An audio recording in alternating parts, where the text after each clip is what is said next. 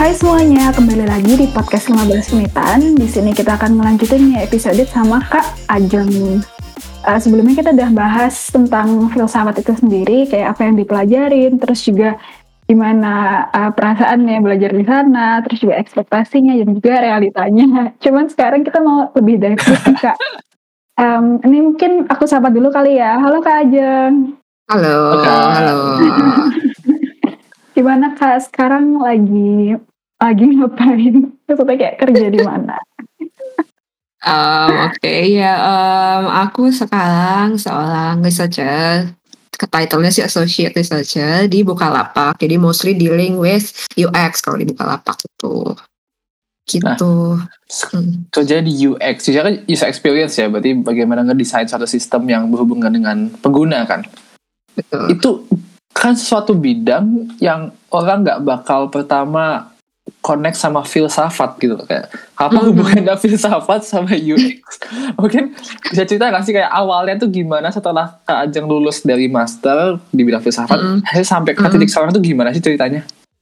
Oke, okay, iya jadi aku um, lulus master nganggur Nganggurnya lama banget sih waktu itu lulusnya Juni kan aku wisuda Juni terus dapat kerja tuh baru November. Itu berapa bulan tuh? Enam bulanan kalau nggak salah Agustus September Oktober November. Ya pokoknya segitulah intinya ya. Terus waktu itu aku pertama kali dapat konten spesialis sih cuma aku nggak suka.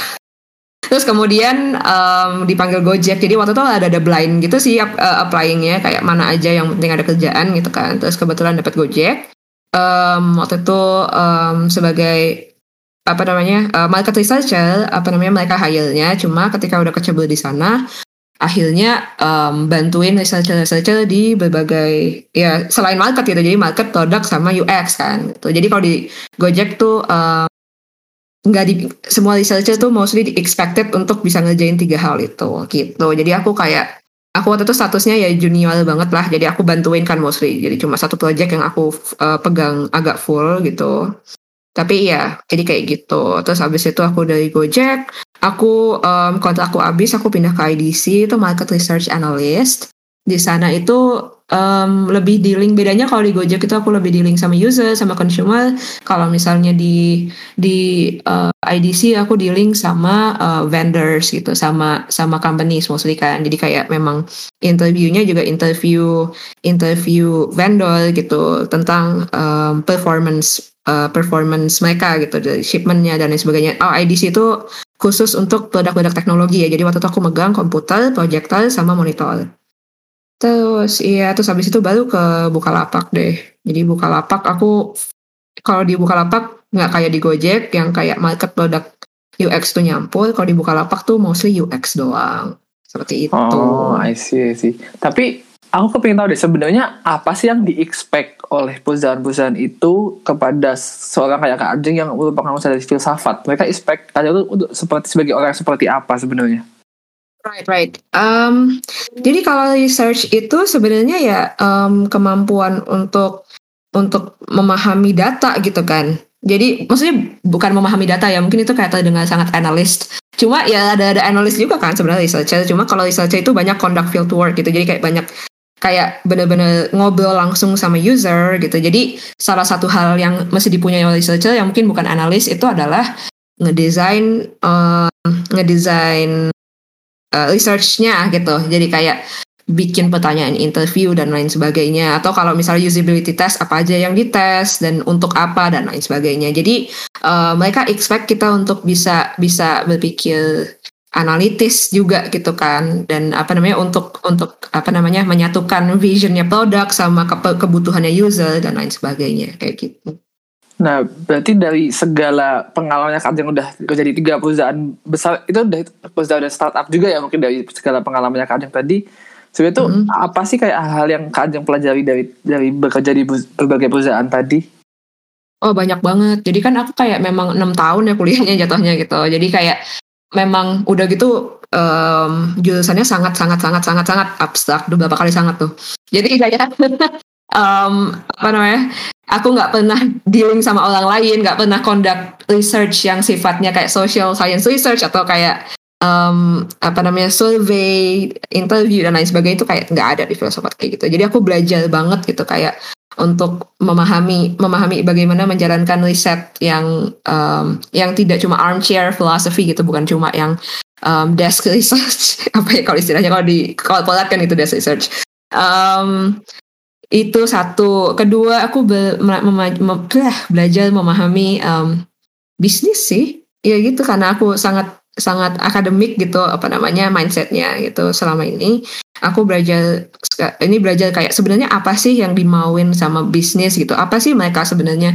Cara pikir mereka apa yang mereka pikirkan ketika mereka meluncurkan produk apa yang mereka pikirkan ketika mereka kayak me mendesain sesuatu untuk user dan lain sebagainya. Itu kan salah satu hal yang nggak pernah aku sentuhkan. Jadi kayak ketika ketika apa namanya orang melakukan sesuatu untuk menghasilkan uang gitu bukan untuk produksi pengetahuan. Itu tuh salah satu hal yang itu sangat apa ya valuable banget gitu loh apa namanya uh -uh, kayak gitu berbeda dengan kalau di filsafat yang di teoritis ya misalnya kalau di universitas gitu kan ya uh -uh.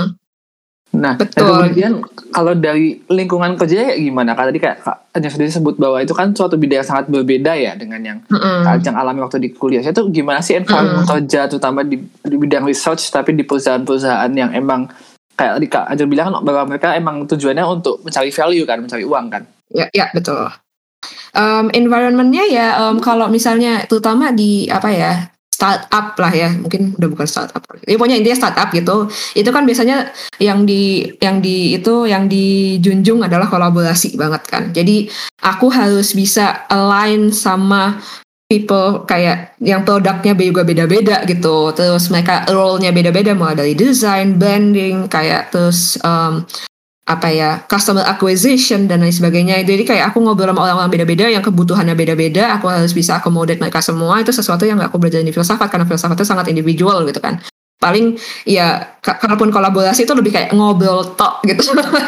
Ngobrol iya kayak kayak untuk expand expand apa ya expand um, pengetahuan kita comprehension kita terhadap suatu teks gitu kan yang tujuannya adalah mana klaim yang paling benar, mana yang mana klaim yang paling paling mendekati mendekati apa ya? Ya pengetahuan objektif gitu kan kalau kalau kalau di di startup itu kan enggak kayak kita kayak kita ngobrol sama semua orang itu tujuannya adalah membuat produk gitu kayak tujuannya untuk untuk menyenangkan banyak pihak gitu.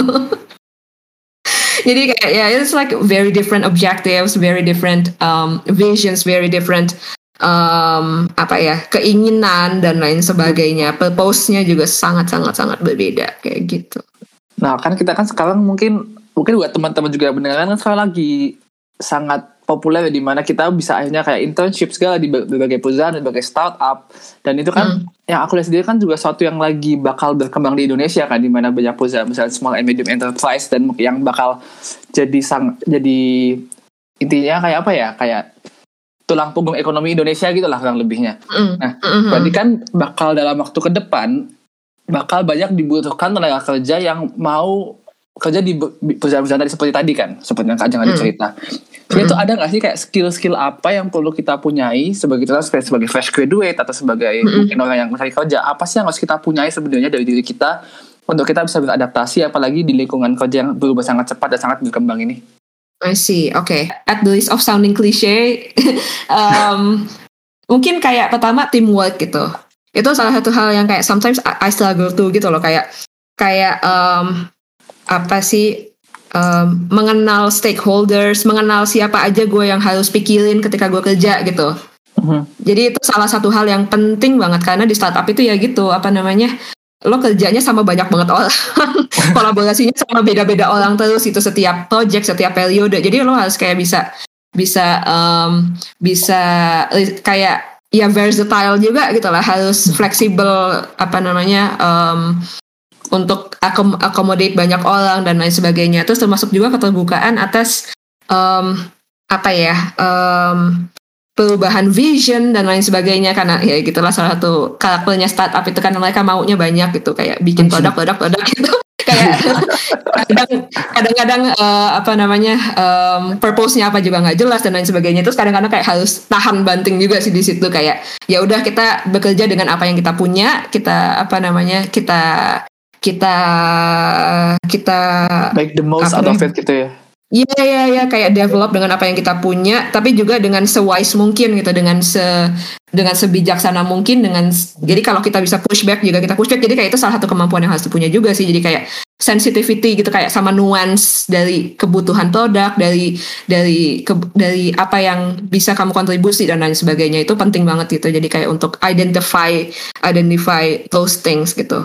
Oke, okay. um, sebenarnya kalau lihat dari um, kultur kerjanya lagi kan sebenarnya lebih kayak ke yang cepat berganti terus kayak harus ngikutin tren dulu bla cuman kalau Kak Ajeng sendiri yep. nih sebenarnya tuh enjoy mm. enjoy nggak sih kerja di culture kayak gitu dan ada nggak sih kayak dream ke depannya mau jadi kayak gimana?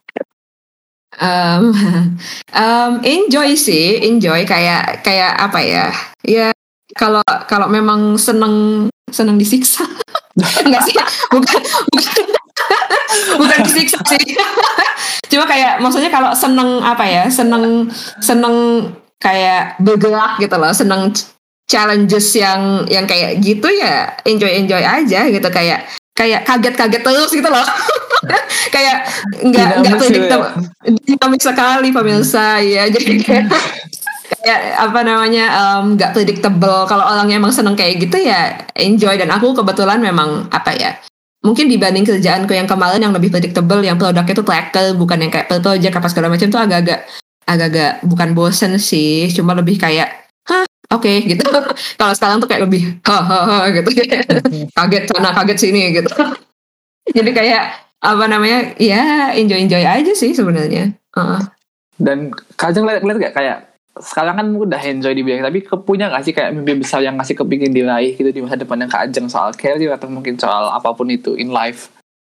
Um, mungkin apa ya? I mean kayak I'm still working on philosophy gitu loh kayak sebagai sampingan gitu kayak aku masih nulis paper segala macam. Jadi kalau pertanyaannya oh, soal masih, itu ya okay. masih kayak ya yeah, I'm, I'm still working on that. Jadi kayak mimpi-mimpiku mungkin lebih berhubungan dengan itu kali ya, berhubungan dengan filsafat gitu.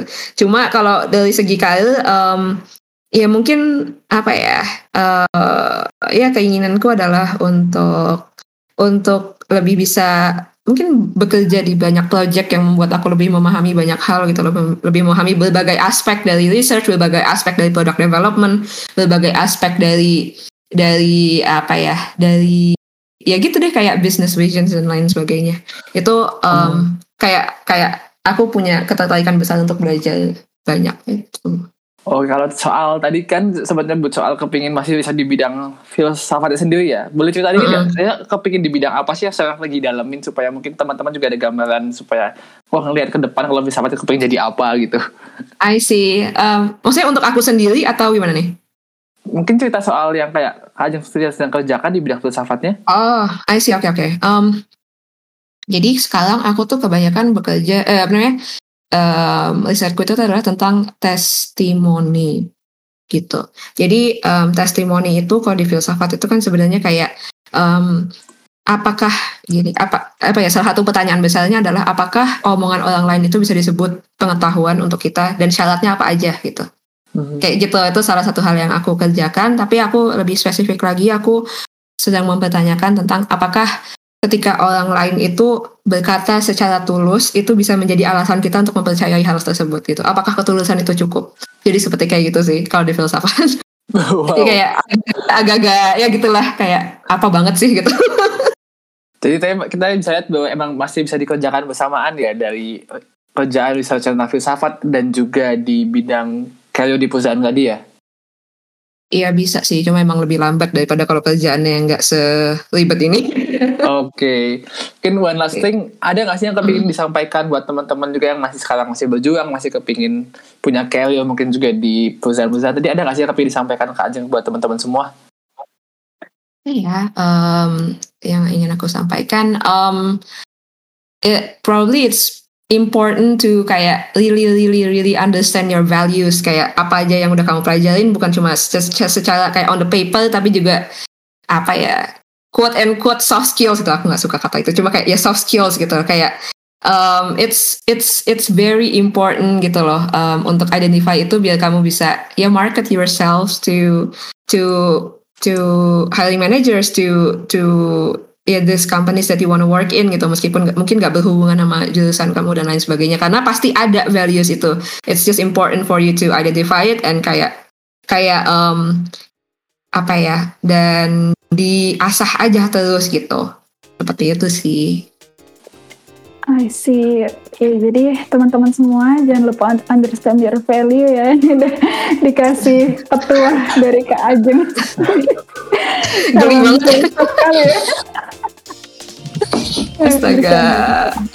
Eh, by the way Kak Ajeng, sebenarnya kita udah di ujung um, podcast kali ini nih. Cuman kita makasih banget karena udah mau datang ke sini dan buat teman-teman semua, ini adalah 15 menitan podcast di mana kita membahas bidang-bidang menarik dengan teman-teman yang masih berjuang untuk masa depan mereka dan juga Indonesia juga.